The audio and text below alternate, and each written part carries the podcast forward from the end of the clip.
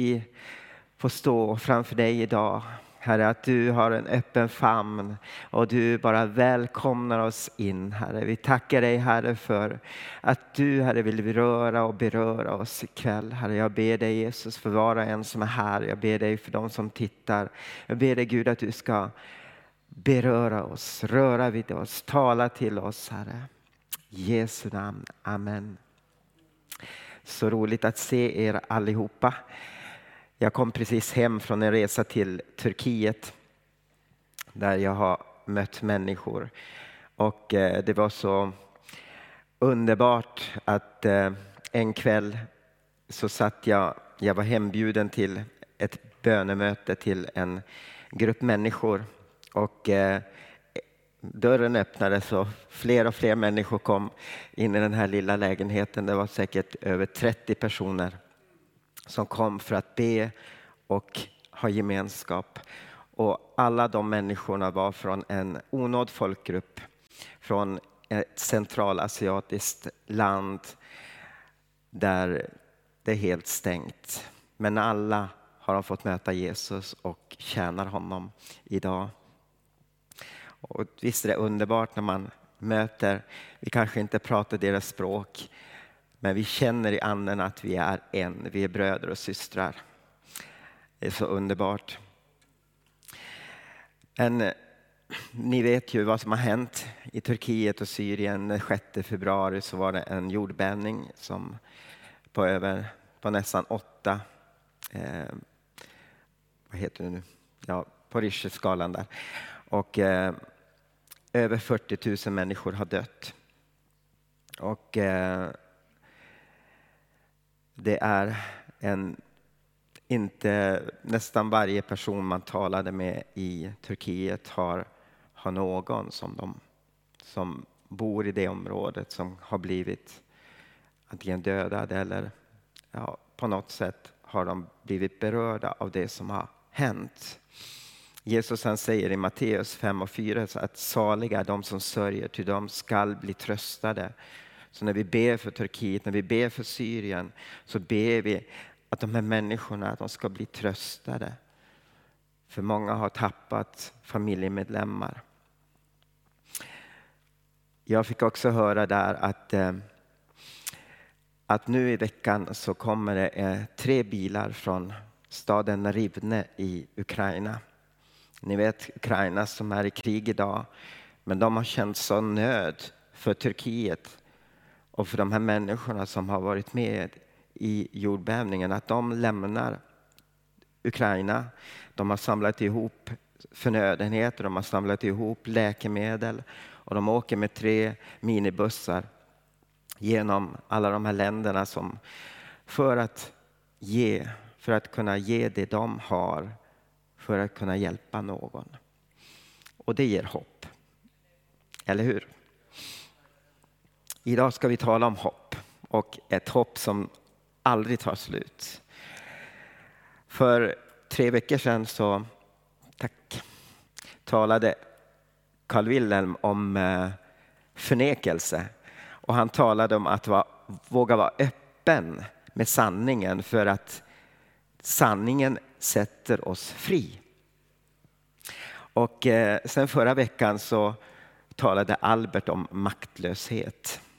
Och eh, när vi inser att vi i vår maktlöshet inte kan göra någonting, då finns det hopp om att Gud kan göra någonting. I Hebreerbrevet kapitel 11, vers 6 så står det så här. Utan tro är det omöjligt att behaga Gud. För den som kommer till Gud måste tro att han finns och att han lönar dem som söker honom. Det här är så otroligt underbar vers. Utan tro är det omöjligt att behaga Gud.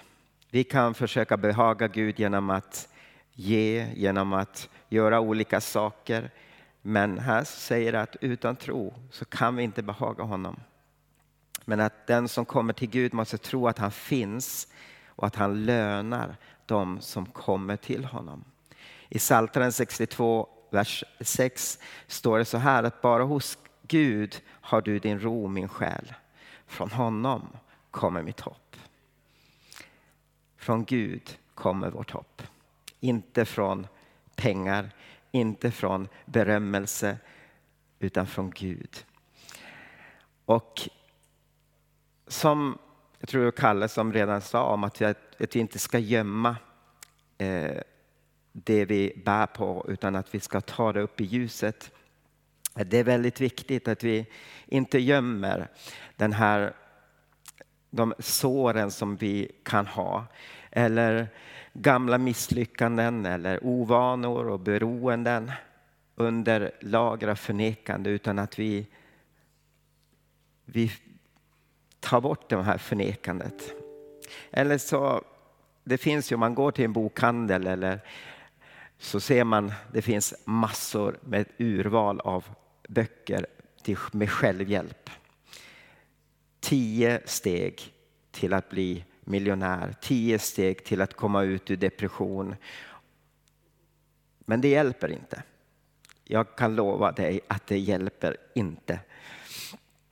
Men istället för att gömma och förneka de här misslyckanden som man kan ha så behöver vi hålla de här exponerade för ljuset så att de kan bli helade genom Guds kraft. Och tron på att Gud existerar och att Jesus är den enda som kan sätta oss fri är otroligt viktiga för att vi ska få se förändring i våra liv. Inte bara det, utan också att du och jag är viktiga för honom. Han älskar oss. Han älskar när vi kommer till honom. Du är viktig för Gud. Gud vill att ditt och mitt liv ska fyllas av hans kärlek, av hans liv, hans glädje och hans närvaro. Och jag tror att var och en av oss har hört berättelsen om den förlorade sonen.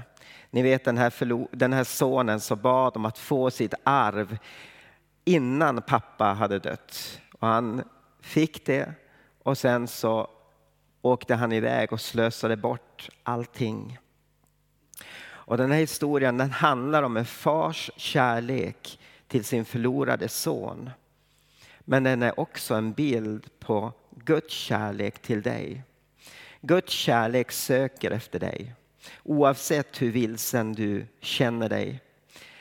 Guds uppsökande kärlek kan också finna dig. Jag kommer själv ihåg, jag hade lämnat Gud, jag var 15 år, jag tänkte pröva på någonting annat än, än Gud. Jag ville pröva på världen. Och jag sa till Gud, jag vill inte ha dig. När jag blir äldre så kanske jag kommer tillbaka. Och eh, mitt liv det var bra ett tag, men sen gick det ner och ner och ner. Och eh, det blev ett liv fyllt av depression, alkohol och jag trodde inte att Gud ville ha mig tillbaka. Jag trodde inte att han stod med en öppen famn. Men när vi läser Lukas 15, när vi läser historien om den förlorade sonen så ser vi att när sonen hade sagt att jag ska vända tillbaka. Kanske jag kan få vara som en av min pappas arbetare, som en slav. Men när han kommer på vägen så ser han sin far som står där med öppen famn. Han hade väntat på honom. Och det är så vår far är. Han söker efter dig. Han söker efter dig. Det spelar ingen roll var du är, var du befinner dig. Det spelar ingen roll hur ofta du har fallit i synd. Han finns där och han väntar på att du ska komma. Guds barmhärtighet når ut till dig för att lyfta upp dig, älska dig och förlåta dig. Det är där du och jag finner hopp. Och Jesus Kristus, han är den enda som kan sätta oss fri. Kanske du är här och du tror att Jesus existerar. Kanske du har gått i kyrkan många år. Men det är inte nog att bara gå i kyrkan utan du måste ha en levande relation. En personlig relation med Jesus. Han vill ha en relation med dig. Han vill att du ska komma till honom, att du ska tala med honom, att du ska bara vara i hans närvaro.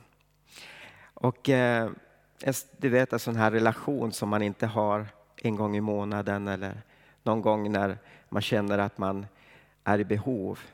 Utan en relation som man har till exempel med sin make eller maka.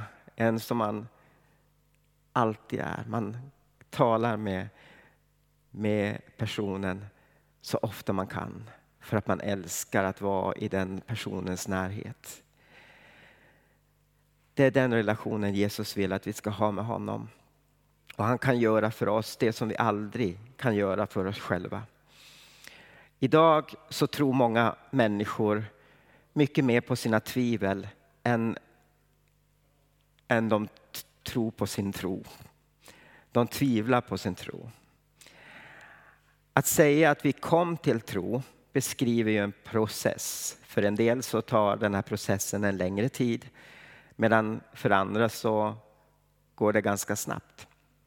Men ofta så, beror, så är det en process utav övervägande, tvivel, resonemang och slutledning. För mig så tog det ett ganska långt tag. Men till slut så när jag upplevde att han fanns där, han, han står där, han vill ha mig tillbaka, så kom jag till honom. I Andra Korinthierbrevet kapitel 12, vers 9 så säger Paul, Paulus, han, har, han, går igenom, han har gått igenom smärta och eh, men Gud säger till honom att min nåd är nog för dig. För min kraft fullkomnas i svaghet.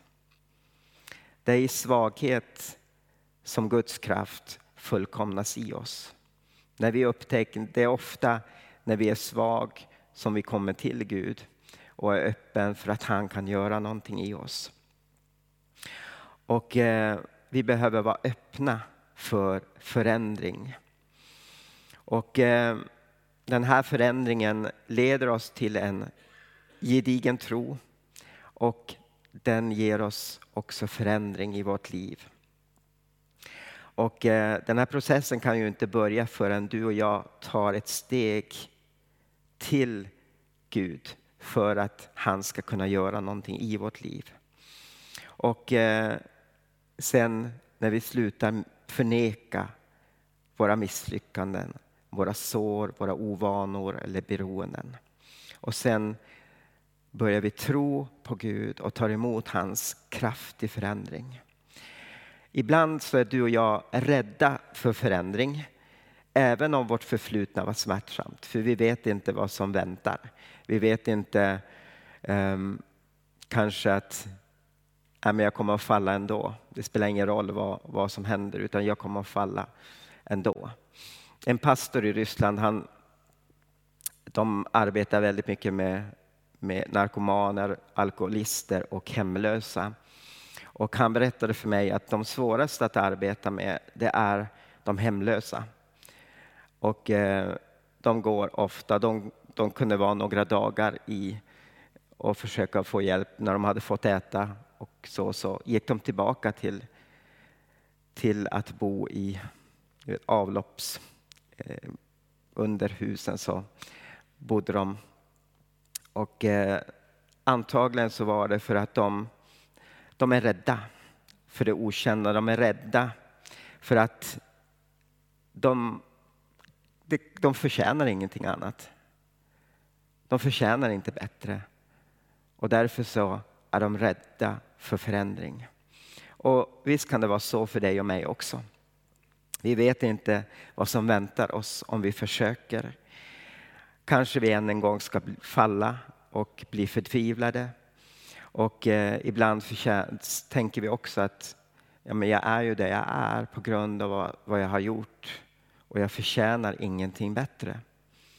Men här är de goda nyheterna för dig. Hopp öppnar dörrar där förtvivlan stänger dem. Hopp öppnar dörrar där förtvivlan stänger dem. Hopp hjälper oss att upptäcka vad som kan göras istället för att klaga på vad som inte kan göras. Vi kommer att möta misslyckanden, förtvivlan under hela vårt liv. Så länge vi lever på den här jorden så kommer vi att ibland gå igenom dalar. Men det finns hopp. Och med hjälp av Gud så kan du och jag tillåta de här omständigheterna och situationerna att förändra oss. Att göra oss bättre och inte sämre. Att göra oss starkare. I Efesierbrevet kapitel 4, vers 23 så står det låt er förnyas till ande och sinne. Så hur kan vi då förändras?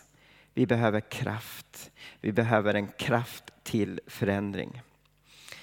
Kanske du har försökt förändra dig hela ditt liv. Du har försökt sluta med det, sluta med det, sluta med det, men du kan inte. Jag kommer ihåg själv när jag hade kommit till tro och jag, jag snusade och jag kunde inte sluta. Och eh, jag försökte och jag försökte och försökte. Och efter någon månad så sa jag till Gud, nu kan jag inte. Jag, jag vet inte vad jag ska göra. Och då satte Gud mig fri.